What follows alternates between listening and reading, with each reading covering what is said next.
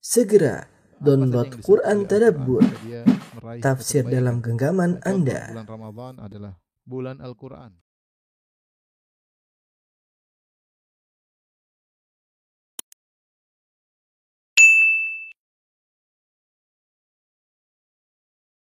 Bismillahirrahmanirrahim. Assalamualaikum warahmatullahi wabarakatuh. Alhamdulillahi ala wa syukru lahu ala taufiqihi wa amtinani wa asyhadu an la ilaha illallah la syarika lahu ta'ziman li wa asyhadu anna Muhammadan abduhu wa rasuluhu da'ila ridwani. Allahumma salli alaihi wa ala alihi wa ashabihi wa ikhwani. Hadirin dan hadirat para jamaah Masjid Abdurrahman bin Auf yang dirahmati oleh Allah Subhanahu wa taala, kita akan membahas topik tentang kisah-kisah teladan atau teladan yang dalam kehidupan sehari-hari yang kita ambil dari kisah-kisah para nabi ya. Dan ini adalah pertemuan kita yang pertama ya. Eh, bukan dari maksud dari pembahasan kita adalah menceritakan kisah mereka tidak, tetapi kita hanya mencuplik eh, dari kisah-kisah mereka yang ada keteladanannya. Bukan kita cerita dari awal sampai akhir sebagaimana kajian-kajian yang sudah saya sampaikan tentang kisah Nabi Adam, kisah Nabi Nuh sampai kisah Nabi Muhammad sallallahu alaihi wasallam ya. Dan juga bukan maksudnya kita menyebutkan seluruh nabi, tapi kita hanya menyampaikan sebagian nabi yang kita dapati eh, atau sampai kepada kita ya eh, kisah mereka yang bisa kita jadikan teladan dalam kehidupan kita sehari-hari. Sesungguhnya para nabi dan rasul adalah orang-orang pilihan ya. Eh, karena Allah pilih mereka dengan hikmah Allah Subhanahu wa taala. Allah Allahu a'lamu haitsu yaj'alu risalatah. Allah lebih tahu di mana dia letakkan risalahnya kepada siapa untuk diangkat menjadi seorang rasul. Hikmah tersebut kembali kepada Allah, Allah yang lebih tahu. Allah juga berfirman, Allahu yastafi minal malaikati rusulan wa minan nas. Sungguhnya Allah memilih dari kalangan malaikat ada yang menjadi utusan Allah kepada manusia dan Allah memilih wa minan nas dan di antara manusia ada yang Allah pilih menjadi para rasul untuk menyampaikan uh, firman Allah kepada hamba-hamba ciptaan Allah Subhanahu wa taala. Oleh karenanya, ketika Allah memilih mereka, mereka adalah manusia yang terbaik yang pernah berjalan di atas muka bumi. Dan uh, apa yang mereka lakukan dalam kehidupan mereka sehari-hari adalah teladan teladan bagi kita. Jangankan bagi kita, bahkan teladan bagi Nabi Muhammad sallallahu alaihi wasallam. Sampai ketika Allah menyebutkan nama-nama nabi, kemudian Allah berkata, "Ulaikal ladzina hadallah." Itulah para nabi yang telah Allah berikan hidayah kepada mereka. Fabihudahu muqtadih. Maka ikutilah petunjuk mereka wahai Muhammad sallallahu alaihi wasallam. Bahkan Nabi Muhammad sallallahu alaihi wasallam uh, disuruh untuk mengikuti petunjuk para nabi-nabi sebelumnya karena pada kisah-kisah mereka ada ibrah pelajaran bagi Nabi Muhammad SAW dan juga bagi umat Nabi Muhammad SAW. Laqad kana fi qasasihim ibaratun li ulil albab. Sungguh pada kisah mereka ada pelajaran bagi orang-orang yang cerdas. Sebagai contoh, ketika Nabi SAW di fase Mekah menghadapi berbagai macam ujian, ketika Nabi SAW dimusuhi oleh kerabat terdekatnya, itu orang-orang Quraisy ya. Kita tahu di jazirah Arab banyak suku. Di antara suku yang top adalah suku Quraisy. Dan Nabi Muhammad SAW adalah putra Quraisy dan dia memiliki nasab yang tinggi. Namun ternyata yang paling getol memusuhi Nabi SAW bukanlah suku-suku yang lain. Yang paling getol memusuhi Nabi sendiri adalah suku Quraisy sendiri. Suku Quraisy sendiri. Bahkan paman Nabi SAW Abu Abu Lahab ya. Oleh karenanya Rasulullah SAW sering bersedih karena orang-orang Quraisy tidak beriman. Allah berkata, "Wala tahzan alaihim." Janganlah kau bersedih atas mereka. Artinya ketika Quraisy kafir, Rasulullah SAW sedih. Rasulullah ingin mereka apa? beriman karena itu kerabat-kerabat Nabi dan suku Nabi sallallahu alaihi wasallam. Ketika Rasulullah SAW bersedih, maka Allah turunkan di fase Makkah surat Yusuf. Di mana dalam surat Yusuf Allah ceritakan Nabi Yusuf alaihissalam dimusuhi oleh orang-orang terdekatnya itu kakak-kakaknya sendiri. Kakak-kakaknya sendiri ya. Sehingga Nabi Yusuf alaihissalam dipisahkan dari orang tuanya dari Nabi Yakub alaihissalam, kemudian dibuka bajunya, dimasukkan dalam sumur, dijual jadi budak dan seterusnya. Kakak-kakaknya tega melakukannya karena hasad yang muncul dia pada diri mereka terhadap Nabi Yusuf dan ini menjadi pelajaran bagi Nabi SAW sudah ada Nabi sebelumnya yang dimusuhi oleh karib kerabatnya. Di antaranya Nabi Yusuf alaihissalam. Demikian juga ketika Nabi SAW mendapatkan ujian yang berat, cercaan, hinaan dari orang-orang Quraisy, maka Allah turunkan kisah Nabi Nuh alaihissalam, ya, yang di mana Allah kisahkan Nabi Nuh berdakwah 950 tahun dengan berbagai macam ujian, kaumnya yang bejat, kaumnya yang memaki-maki Nabi Nuh, menghina Nabi Nuh. Kemudian Allah berfirman setelah menyampaikan kisah Nabi Nuh dalam surat Hud, kata Allah Subhanahu wa taala, "Fasbir innal aqibata lil muttaqin." Bersabarlah engkau wahai Muhammad, sungguhnya kesudahan yang baik bagi orang-orang yang bertakwa. Sebagaimana Nabi Nuh kesudahannya indah, dia yang dimenangkan oleh Allah Subhanahu wa taala, engkau pun demikian bersabarlah wahai Muhammad sallallahu alaihi wasallam. Jadi demikianlah Allah mengkisahkan uh, kisah-kisah para nabi untuk juga manfaat bagi Nabi sallallahu alaihi wasallam. Wa kullan naqussu 'alaika min amba'ir rusuli ma nuthabbitu bihi fuadak. Dan kami mengkisahkan kisah-kisah para rasul yang dengan kisah-kisah tersebut bisa menegarkan hatimu, bisa mengkokohkan hatimu wahai Muhammad sallallahu alaihi wasallam. Ketika kisah-kisah para nabi menjadi pelajaran bagi Nabi sallallahu alaihi wasallam, maka kita juga pelajaran bagi bagi kita. Sekali lagi saya ingatkan bahwasanya tidak seluruh kisah-kisah Nabi sampai kepada kita. Nabi-nabi lebih banyak daripada yang kita ketahui. Ya, walaqad arsalna rusulan min qablik. Minhum man qasasna 'alaika wa minhum man lam naqsus 'alaik. Sungguh kami telah mengutus para rasul sebelum engkau wahai Muhammad sallallahu alaihi wasallam. Di antara para rasul tersebut ada yang kami kisahkan dan di antara para rasul tersebut ada yang tidak kami kisahkan kepada kepada engkau. Yang sampai kepada kita tidak semuanya, sekitar 25 nabi dan rasul sebagaimana yang datang dalam Al-Qur'an. Karenanya pada kesempatan kali ini kita akan menyampaikan cuplikan dari kisah-kisah para nabi tersebut uh, yang terkait dengan kehidupan kita sehari-hari untuk kita ambil teladan dari kisah mereka.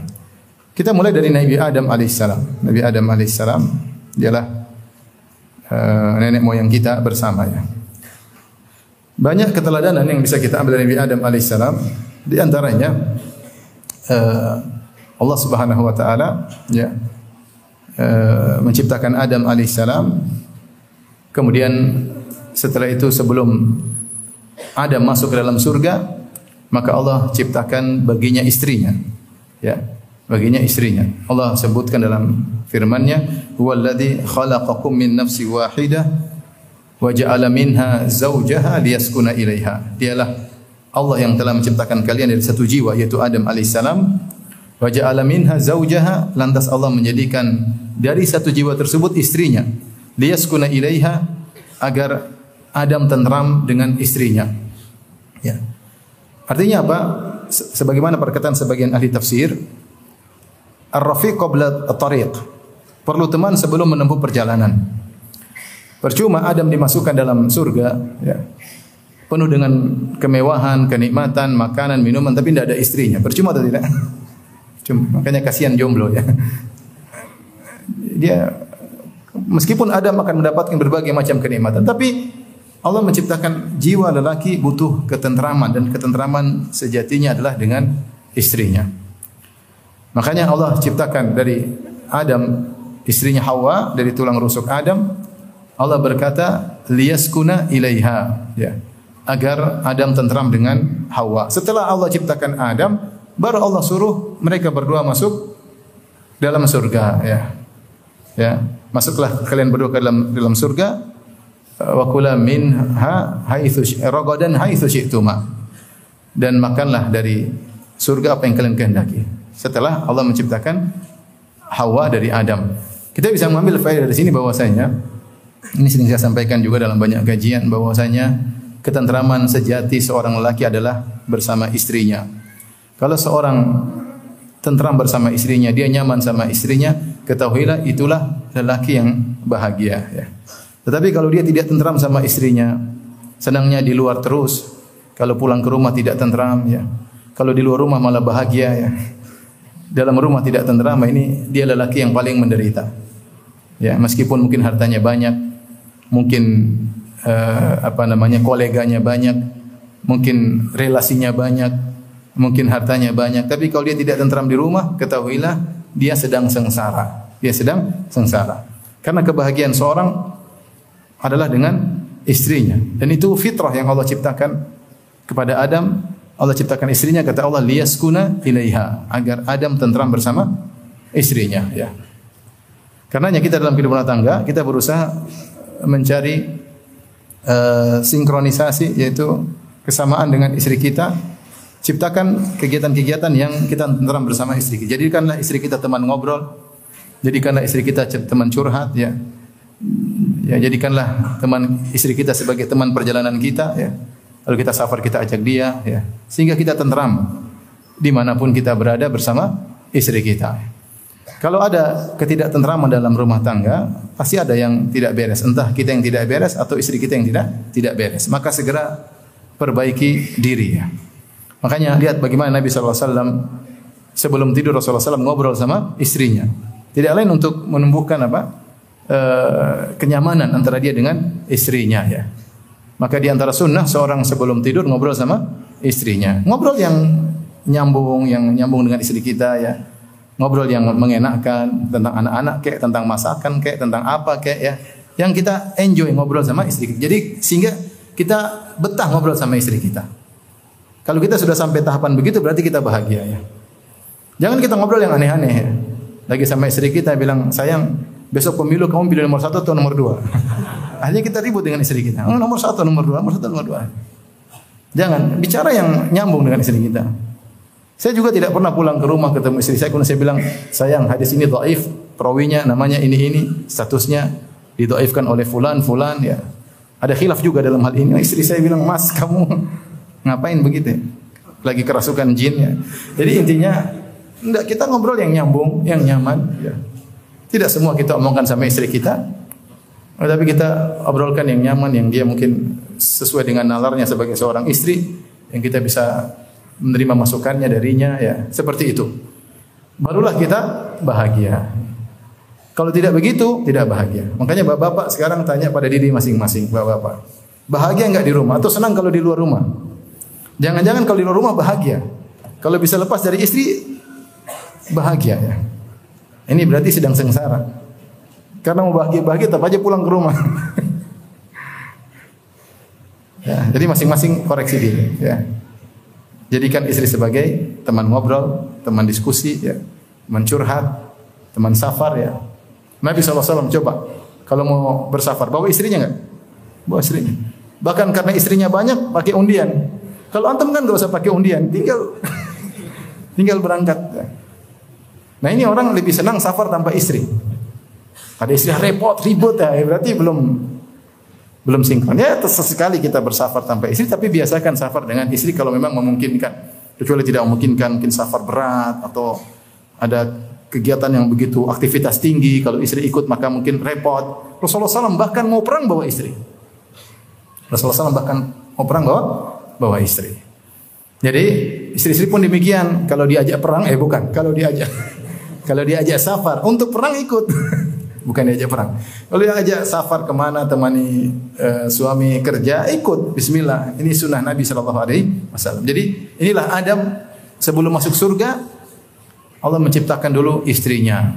Tadi kata para ulama ar-rafiq qabla tariq bahwasanya perlu teman-teman sebelum menempuh apa? Perjalanan. Dengan kita sering bersama istri kita banyak manfaatnya. Kita lebih menundukkan pandangan, kita tidak lebih jelalatan, kita lebih tentram, kita tidak lihat yang haram. Karena istri kita ya bersama kita ya. Kita tentram dengan istri kita. Tapi ketika seorang suami tidak menemukan ketentraman, mulailah dia bermaksiat. Mulailah dia melirik sana, melirik sini. Mulailah dia berselancar dalam alam dunia maya, melihat teman-teman masa lalunya. Kenapa? Dia tidak menemukan ketentraman dengan apa? Istrinya. Itu bisa jadi awal musibah bagi dia dan bagi apa? Istrinya. Allah musta'an. Taib. Faedah yang kedua, dari kisah Nabi Adam alaihissalam ketika Allah Subhanahu wa taala menurunkan Nabi Adam di bumi Allah Subhanahu wa taala berfirman hadha aduwwun laka wa li zawjika fala yukhrijannakuma minal jannati fatashqa wahai Adam sungguhnya iblis ini adalah musuhmu dan musuh bagi istrimu Inna hadha aduwwun laka wa li iblis adalah musuhmu dan musuh istrimu, fala yukhrijannakuma minal jannati fatashqa. Jangan sampai iblis mengeluarkan kalian berdua dari surga menuju bumi, fatashqa maka kau akan sengsara, kau akan sengsara. Sebagian ulama, sebagian ahli tafsir mengambil faedah dari ayat ini. Ketika Allah berkata kepada Nabi Adam alaihissalam, jangan sampai iblis mengeluarkan kalian berdua dari surga menuju bumi. Allah tidak mengatakan maka fatashqoya, maka kalian berdua sengsara. Tidak. Allah tidak menisbahkan kesengsaraan kepada Adam dan Hawa. Tetapi Allah hanya menisbahkan kesengsaraan kepada Adam. Fatashqa. Dhamir kata gantinya kembali kepada anta bukan antuma. Fatashqa. Maka kau akan sengsara wahai Adam. Kalau kamu turun ke bumi, kau dan istrimu turun ke bumi, kau yang sengsara wahai Adam. Dari sini sebagian ahli tafsir mengatakan kenapa kesengsaraan ketika Adam dan Hawa turun ke bumi hanya dinisbahkan kepada Adam alaihissalam karena Adamlah yang bertanggung jawab untuk mencari nafkah. Dia yang harus sengsara. Istrinya tumbuh di rumah, nyaman, jadi ratu di rumah dan suaminya yang mencari nafkah untuk apa? Istrinya. Ya. Maka ini dalil bahwasanya seorang suami berusaha bekerja untuk menafkahi istrinya, menenangkan hati istrinya, memenuhi kebutuhan-kebutuhannya dan semua itu adalah ibadah di sisi Allah Subhanahu wa taala. Sebagaimana dalam hadis kata Nabi sallallahu alaihi wasallam, dinarun anfaqtahu fi sabilillah wa dinarun anfaqtahu fi raqabah wa dinarun anfaqtahu ala miskin wa dinarun anfaqtahu ala ahlik a'zamuha ajran alladhi anfaqtahu ala ahlik. Sekeping dinar yang kau sedekahkan tasaddaqta bihi Sekeping dinar yang kau infakkan untuk berjihad di jalan Allah. Sekeping dinar itu kalau dikonversikan sekarang 4 seperempat gram emas. Uh, lumayan ya 4 seperempat gram emas. Sekeping dinar yang kau infakkan untuk jihad di fisabilillah dan sekeping dinar yang kau infakkan untuk memerdekakan seorang budak dan sekeping dinar yang kau infakkan untuk bersedekah kepada seorang yang miskin. Yang keempat dan sekeping dinar yang kau infakkan untuk istrimu dan keluargamu yang lebih besar pahalanya adalah yang kau infakkan untuk apa? Istrimu.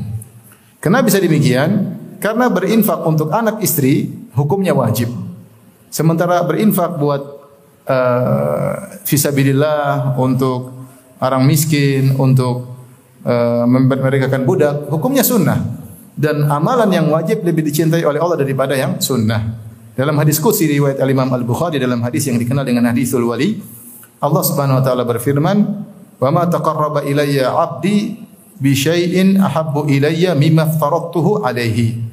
Dan tidaklah hambaku mendekatkan dirinya kepadaku dengan suatu perkara yang lebih aku cintai, lebih aku sukai daripada apa yang aku wajibkan kepadanya. Jadi perkara yang paling dicintai oleh Allah adalah perkara wajib.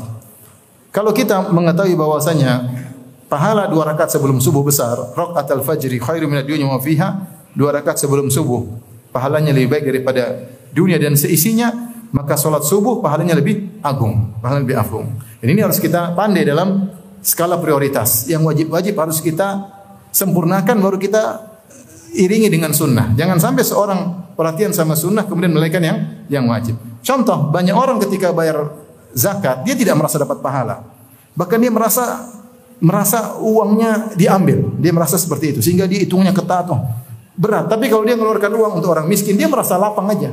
Padahal bayar zakat pahalanya lebih besar atau bersedekah kepada fakir miskin. Lebih besar bayar zakat. Zakat wajib bahkan rukun Islam. Nah, ini harus kita. Jadi seorang bayar zakat dengan senang, dengan gembira karena dia berkesempatan untuk melakukan sedekah wajib. Dan sedekah wajib, sedekah wajib lebih disukai daripada sedekah apa? Sunnah. Demikian juga dalam kehidupan kita sehari-hari. Kalau kita belikan sesuatu buat istri, kayaknya kita nggak merasa artinya kurang, bukan tidak kurang merasa dapat pahala. Tapi kalau kita sedekah buat janda, kayaknya dapat pahala. Itu masalah. Tapi kalau buat istri, apa kita tunggu istri kita jadi janda baru kita daftar? Jadi kadang-kadang salah salah dalam skala prioritas. Selama kita berinfak kepada anak istri kita dengan yang wajar, maka itu pahalanya paling besar. Di antara ciri-ciri ibadah rahman tidak tidak mubazir juga, tidak boros. Ya. Kata Allah Subhanahu wa taala tentang ciri-ciri ibadur rahman waladina idza anfaqu lam yusrifu wa lam yaqturu wa kana baina dzalika qawama. Dan ibadur rahman adalah orang-orang yang jika mereka berinfak mereka tidak berlebih-lebihan dan mereka tidak pelit. Namun mereka di antara keduanya. Liyunfik dzu sa'atin min sa'ati. Wa man qadira alaihi rizquhu falyunfik bima atahu Allah. Hendaknya seorang diberi kelapangan dia berinfak dengan kelapangannya. dan siapa yang sempit hartanya ya semampunya dia. Artinya kalau antum punya harta yang lapang jangan pelit-pelit sama istri. Jangan sampai antum gombrot, istri antum kurus. Wah ini masalah. Berarti istri antum tidak dikasih apa? Makan ya. Jangan sampai antum necis, istri antum bajunya kasihan. Orang lihat kasihan, disangka orang miskin ya.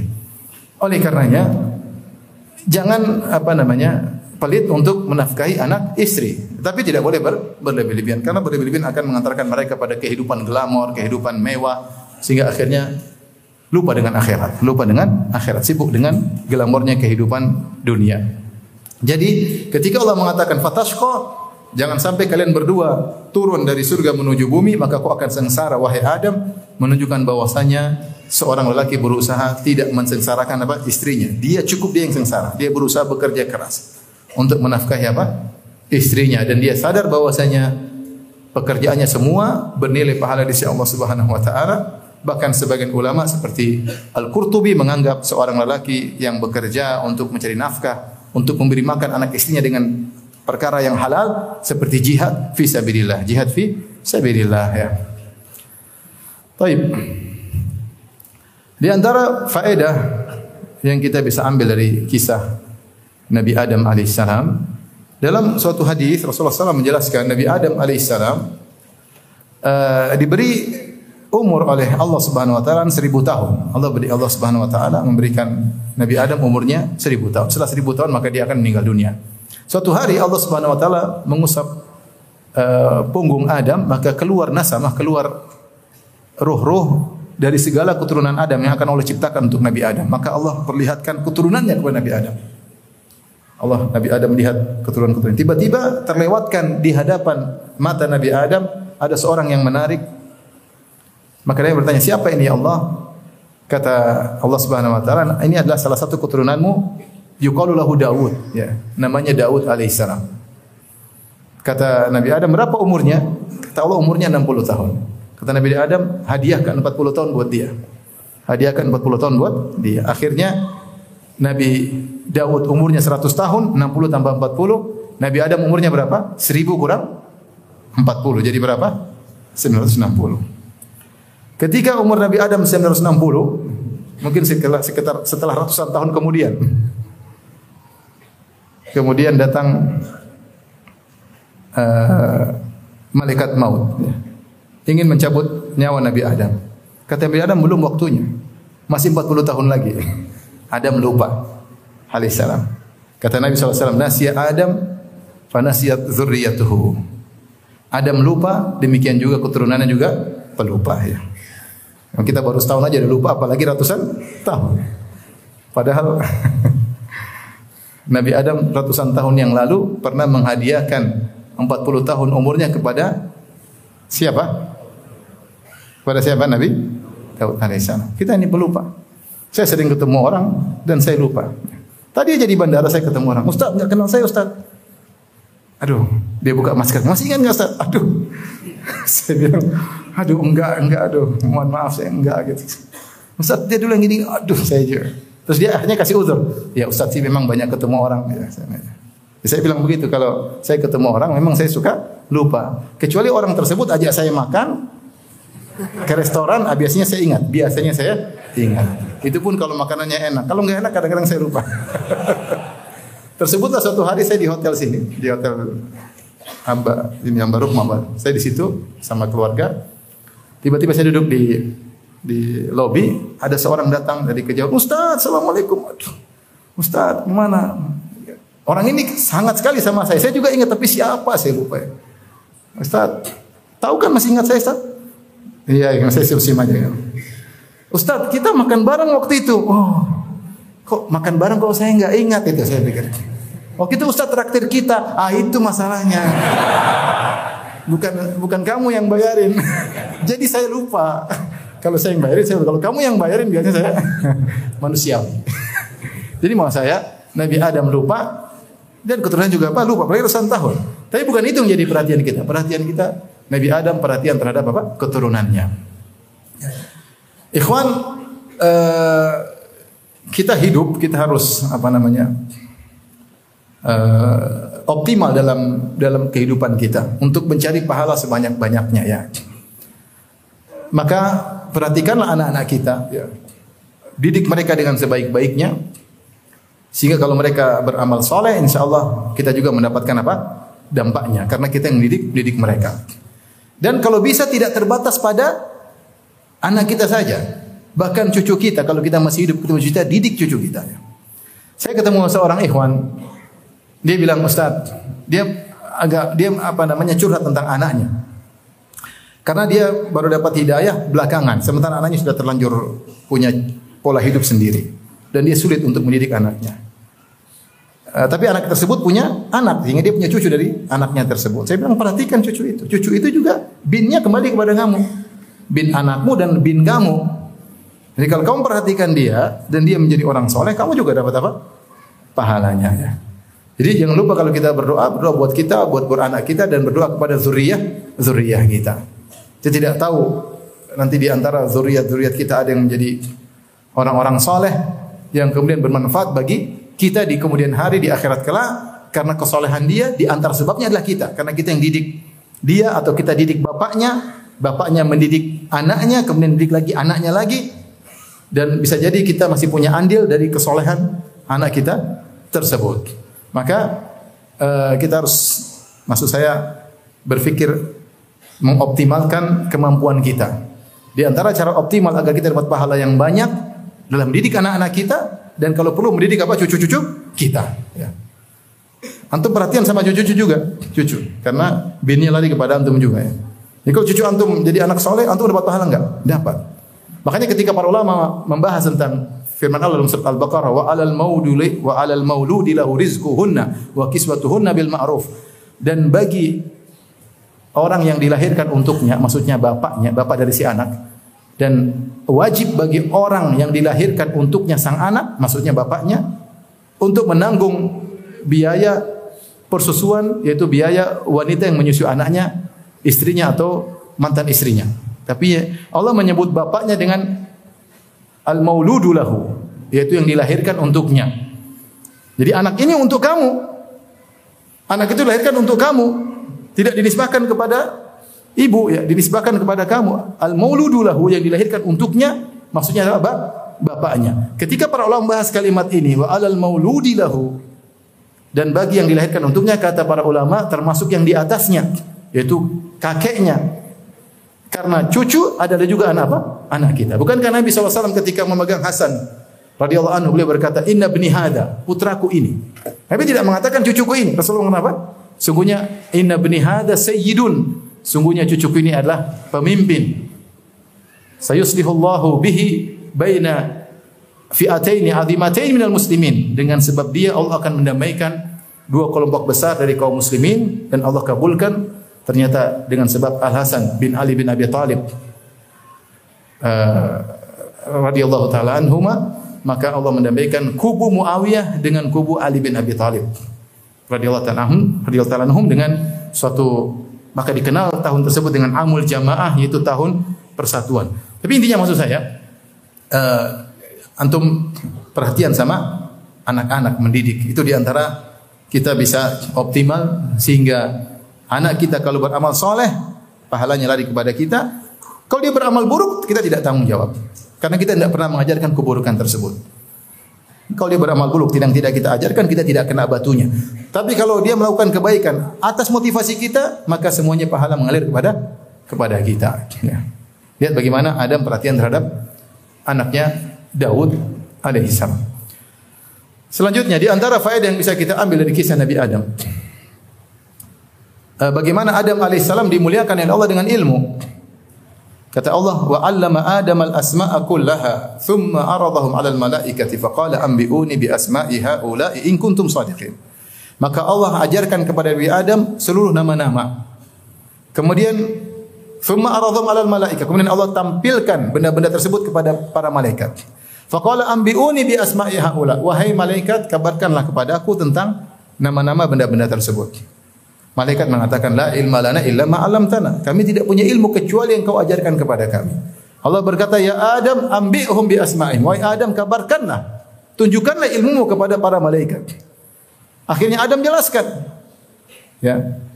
Di antara sebab itu, maka Allah mengatakan, Wa idh qulna lil malaikati isjudu li Adam fasajadu illa iblis. Maka ketika nampaklah kemuliaan Adam, dia punya ilmu yang tidak dimiliki oleh malaikat, tidak dimiliki oleh iblis, maka Allah menyuruh malaikat dan iblis sujud kepada siapa? Adam. Jadi ilmu adalah suatu yang sangat bernilai di sisi Allah Subhanahu wa taala. Dan di antara sebab ilmu inilah Allah memerintahkan malaikat dan iblis untuk sujud yaitu sujud penghormatan kepada Adam alaihi salam. Makanya uh, walaqad ataina Dawud wa Sulaiman ilma faqala alhamdulillahilladzi faddalana ala katsir min ibadina bin ibadihil mu'minin. Kata Allah sungguh kami telah berikan kepada Nabi Daud dan Nabi Sulaiman ilmu. Allah sebutkan banyak kenikmatan yang Allah berikan kepada Nabi Daud dan Nabi Sulaiman. Banyak, banyak sekali. Mereka raja.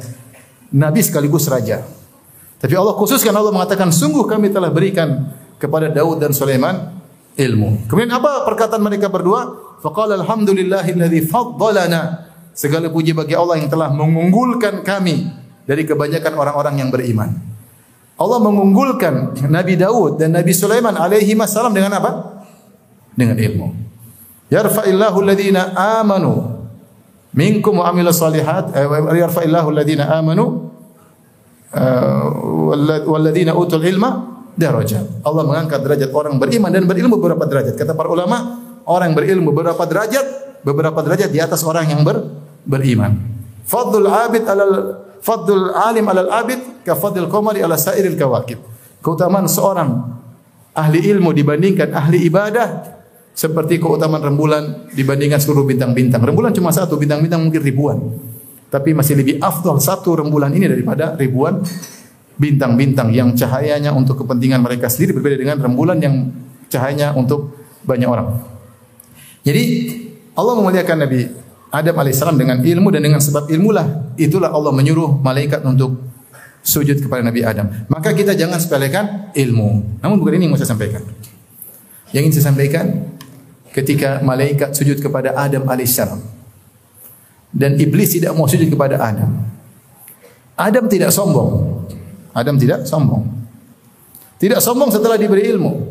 Bahkan tidak sombong ketika malaikat suruh sujud kepada Adam. Ketika malaikat suruh sujud, malaikat sujud atau tidak? Sujud, tapi Adam tidak mentang-mentang. Nah, kan saya berilmu kan? Nah, enggak. Tidak mentang-mentang. Dan ketika iblis tidak mau sujud, Adam juga tidak ribut sama dia. Ya sudah enggak sujud, tidak ada masalah. Allah yang tegur iblis, kenapa kau tidak mau sujud kepada Adam? Adam cuek aja. Tidak ada masalah. Ya. Bahkan begitu baiknya Adam tidak ada hasad sama sekali. Sampai iblis ketika goda dia husnuzon. Harusnya kata ini yang penjahat yang tidak mau sujud sama saya. Harusnya kan, tapi Adam cuek aja dia nothing tulus kata orang. Tidak mau sujud ya sudah nggak ada masalah. Sehingga akhirnya iblis datang menggoda dia sampai bersumpah dengan sumpah yang bertubi-tubi. Wa qasamahuma inni lakuma laminan nasihin. Iblis bersumpah kepada Adam dan Hawa, sungguh-sungguh aku ini benar-benar ingin kebaikan bagi kalian berdua. Akhirnya Adam goyang dan akhirnya percaya. Padahal ini ya musuh dia yang tidak mau sujud kepada dia. Maksud saya ilmu ini waspada kalau kita menuntutnya dengan tidak ikut aturan. Seorang berusaha memperbaiki hatinya ketika menuntut ilmu. Berusaha ikhlas kepada Allah Subhanahu wa taala. Menuntut ilmu untuk mencari kedekatan kepada Allah untuk bangga bukan untuk bangga-banggaan. Dalam hadis, "Man talabal ilma," siapa yang menuntut ilmu, ya liu jari bihil ulama ya untuk bisa disejajarkan dengan para ulama yaitu untuk ya mari bihis mari bihis sufaha. Untuk mendebat orang-orang bodoh. Untuk tunjukkan tampil di Facebook puasanya saya jago debat. Ini bahlul-bahlul semua. Saya sudah patahkan semuanya. Manusia. Ingin orang tahu dia sudah berilmu. Ingin orang tahu dia sudah belajar banyak. Auliya srifu bihi ilaihi wujuhan nas. Atau untuk agar orang semua melirik kepada dia, semua orang hormat sama dia, maka dia tidak akan masuk surga. Haram bagi dia surga. Haram bagi dia surga. Ancaman yang keras dari Nabi sallallahu alaihi wasallam. Saya renungkan ayat ini Adam alaihissalam ketika malaikat sujud sama dia, dia santai aja. Dia tidak merasa tinggi, tidak merasa sombong, tidak merasa bangga dan tidak mengangkat permusuhan kepada Iblis bahkan dia husnuzon kepada iblis kata para ulama husnuzon tidak pada tempatnya. Ya. Tapi begitulah hati Nabi Adam alaihissalam. Ya. Hati Nabi Adam alaihissalam. Hati yang yang mulia. Maka uh, saya ingatkan sebagaimana harta jabatan bisa membuat orang sombong dan angkuh, ilmu juga tidak kalah dalam hal itu. Orang punya ilmu bisa buat orang sombong, angkuh, merendahkan orang lain, meremehkan orang lain, tidak menghargai orang lain. Sampai ada ucapan apa cuma bisa ngajar tajwid nggak bisa ngajar apa-apa. Tapi tajwid ilmu yang penting. Ah, cuma bisa ngajarin ikro, taib ikro ilmu yang penting. Kalau dia cuma bisa ngajar itu jangan kau remehkan, kau bersyukur bahwasanya ada orang yang menutupi celah yang tidak bisa kau kerjakan. Saya kalau disuruh ngajar ikro saya nggak mau. Susah. Ngajari anak saja setengah mati. Apalagi apalagi ngajar anak orang. Susah. Mending saya biar orang ngajar anak saya. Gak gampang. Nah, ketika ada orang dia kemampuannya hanya bisa ngajar ikra, hanya bisa ngajar tajwid, jangan kita rendahkan. Ya sudah, bersyukur ada orang yang kita dakwahnya butuh banyak orang. Butuh banyak orang. Kesesatan tersebar luar biasa. Ya. Kita nih kelihatannya banyak, tapi dibandingkan orang yang tidak sholat, banyak mana? Banyak tidak sholat, kita cuma sedikit. Jangan merasa kita banyak, sedikit dibandingkan orang yang tidak ngaji, lebih banyak yang tidak tidak ngaji. Ini menunjukkan maksudnya dakwah butuh butuh banyak orang. Selama mereka bisa ngajar ini, ngajar anu, ngajar alhamdulillah. Makanya saya katakan bahwasanya ilmu bisa menjadikan orang angkuh dan sombong, ya. Sebagaimana jabatan, sebagaimana uh, kekayaan harta. Maka seorang sering ya uh, memperbaiki dirinya. Di antara pertanyaan menarik yang pernah sampai kepada saya. Ada orang kirim pertanyaan di kertas, dia bilang, Ustaz, saya baru hafal tiga juz, kok saya merasa diri saya ujub, dia bilang gitu. Saya sudah hafal tiga juz, saya merasa diri saya apa? Ujub, tolong nasihati. Di antara jawaban saya, saya bilang, kok ngapain ujub? Baru tiga juz saya sudah ujub. Bahasa Arab aja nggak bisa. Di Madinah anak-anak kecil sudah bisa bahasa Arab tidak ujub saya bilang. Maksud saya begitu orang maksud saya begitu kuatnya seorang menjadi sombong angkuh gara-gara ilmu itu besar ya. Besar. Karena seorang waspada menghargai yang lain. Lihatlah Adam alaihissalam meskipun malaikat sujud kepada dia karena ilmunya dia tidak apa? Tidak sombong dan tidak angkuh. Tapi di antara faedah terkait dengan Nabi Adam alaihissalam. Nabi Adam alaihissalam diciptakan oleh Allah Subhanahu wa taala dari tanah. Dan dalam sebagian riwayat disebutkan dari min adimil ardi yaitu dari apa dataran tanah jami'ah dari seluruh sebagian perkataan Ibnu Abbas radhiyallahu anhu. Nabi Adam diciptakan dari dataran tanah dari seluruh jenisnya. Ahmariha wa aswadiha wa abyadhiha dari yang tanah merah, dari tanah yang hitam, dari tanah yang putih, dari tanah yang keras, dari tanah yang lembek. Maka kata Ibnu Abbas semua model-model tanah tersebut bisa kau lihat pada keturunannya. Dan oleh karenanya keturunan Nabi Adam juga ber, bervariasi, bermacam-macam. Allah sebarkan unsur tanah tersebut kepada banyak keturunannya. Dan ini tidak menjadi penilaian bagi Allah Subhanahu wa taala. Ya. Yang menjadi penilaian bagi Allah adalah ketakwaan, ketakwaan. Dan ini diingatkan oleh Nabi sallallahu alaihi wasallam. Kata Rasulullah SAW, "Kullukum min Adam." Kalian semua dari Adam alaihissalam. Wa Adamu min turab dan Adam berasal dari tanah ya. La fadla li arabiyyin ala ajami, tidak ada ke keistimewaan orang Arab, keutamaan orang Arab dibanding non Arab. Walal ajami ala arabi dan tidak ada keistimewaan orang non Arab di atas orang Arab. Walal ahmar alal aswad atau awal abyad alal ahmar walal ahmar ala abyad tidak ada keistimewaan orang berkulit putih dibandingkan orang berkulit apa? hitam. Dan tidak ada kesimpulan orang berkulit hitam dibandingkan orang berkulit putih illa bittaqwa, kecuali dengan apa? Ketakwaan. Allah tidak pernah menilai warna kulit seseorang. Inna Allah la yanzuru ila suwarikum wala ila ajsadikum walakin yanzur ila qulubikum wa amalikum. Allah tidak pernah nengok kepada tampilan kalian, rupa kalian, jasad kalian, fisik kalian. Tapi yang Allah lihat adalah hati kalian dan amalan kalian. Ini penting bagi kita untuk kita ingat bahwasanya Islam tidak mengenal rasis, nggak ada. Ya. Dalam aturan Islam yang jadi barometer, inna akramakum indallahi atqakum. Yang paling mulia dan yang paling bertakwa. Lihatlah bagaimana Bilal bin Rabah, Habashi, hitam. Tapi Rasulullah sebutkan, aku mendengar terompahmu di surga. Subhanallah. Bilal, budak, Habashi. berkulit hitam, legam, tapi kemudian masuk surga. Lihatlah Najasyi. Najasyi ketika meninggal di Habasyah, Rasulullah SAW pernah mengatakan, Salatlah terhadap saudara kalian Najasyi. Rasulullah sampai salat gaib menyolatkan siapa? Najasyi. Saya kemarin pas pulang eh, pas umrah eh, kemudian saya pingin jalan-jalan ke ke Wadi Nakhlah dan juga ke Hunain maka saya ditemani oleh seorang supir berkulit hitam. Dia belajar di Darul Hadis. Ngobrol-ngobrol dia lahir di kota Mekah. Saya bilang, kamu dari mana? Dia bilang, ana Habasyi. Saya dari apa? Habasyi. Wa aftakhir bi Bilalin wan Najasyi. Dan saya bangga dengan Bilal dan apa? Najasyi. Dan saya berlepas diri dari Abraha. Abraha juga Habasyi. Ini semua tiga Habasyi. Eh, Bilal Habasyi, Najasyi apa? Habasyi Abraha juga apa? Habasyi. Dia bilang saya bangga dengan Bilal dan Najasyi dan atabarra min Abraha. Saya berlepas diri daripada Abraha.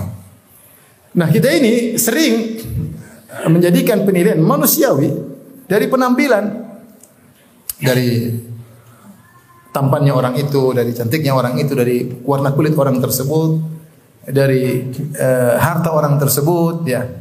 Kita tidak menilai dari ketakwaan. Barometer kita bukan barometer Allah Subhanahu wa taala. Barometer kita bukan barometer Nabi sallallahu alaihi wasallam. Barometer Nabi yang paling mulia yang paling apa?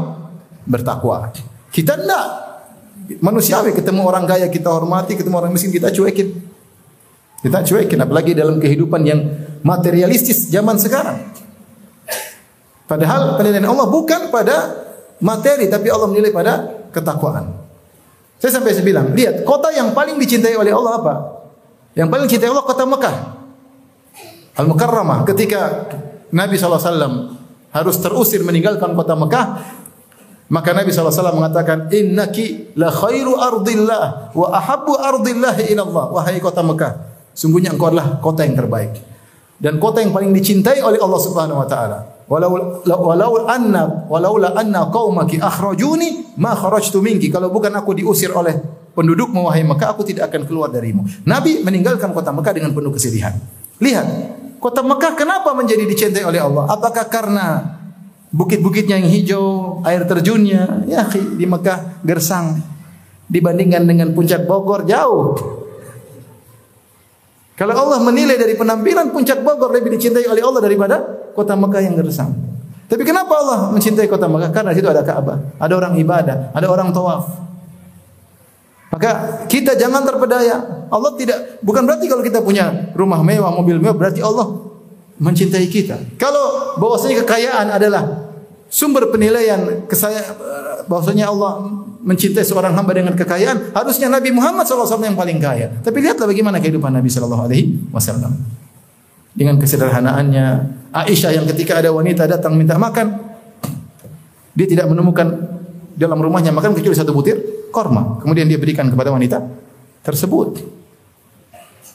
Jadi sekali lagi berlomba dalam apa? Ketakwaan. Kita semua dari Adam. Mau kaya, mau miskin, mau hitam, mau putih, mau coklat, mau pirang, sawo langsat, sawo bosok, semuanya dari dari Adam alaihissalam. Tidak ada kemuliaan seorang pun dari kita kecuali dengan apa? Ketakwaan. Jadi barometer di sisi Allah adalah ketakwaan bukan warna kulit. Karena kita semua kembali kepada Nabi Adam alaihissalam. Ini saja ikhwan dan akhwat yang dirahmati Allah Subhanahu wa taala yang bisa saya uh, sampaikan ya. Uh, dan saya sekali ingatkan terutama kepada antum laki-laki dan ibu-ibu jangan sampai sombong dengan harta yang dia miliki, dengan tas yang dia miliki, dengan baju mewah yang dia miliki. Dia merasa dirinya menjadi hebat di hadapan yang lain karena kemewahan yang dia miliki. Ternyata dia menjadi paling hina di sisi Allah karena kesombongan yang ada dalam hatinya. Demikian saja kajian kita, ikhwan dan akhwat yang rahmatillah subhanahu wa Insyaallah kita lanjutkan pada pertemuan yang lain. Subhanakallah bihamdik asyhadu an la ilaha illa anta. Assalamualaikum warahmatullahi wabarakatuh.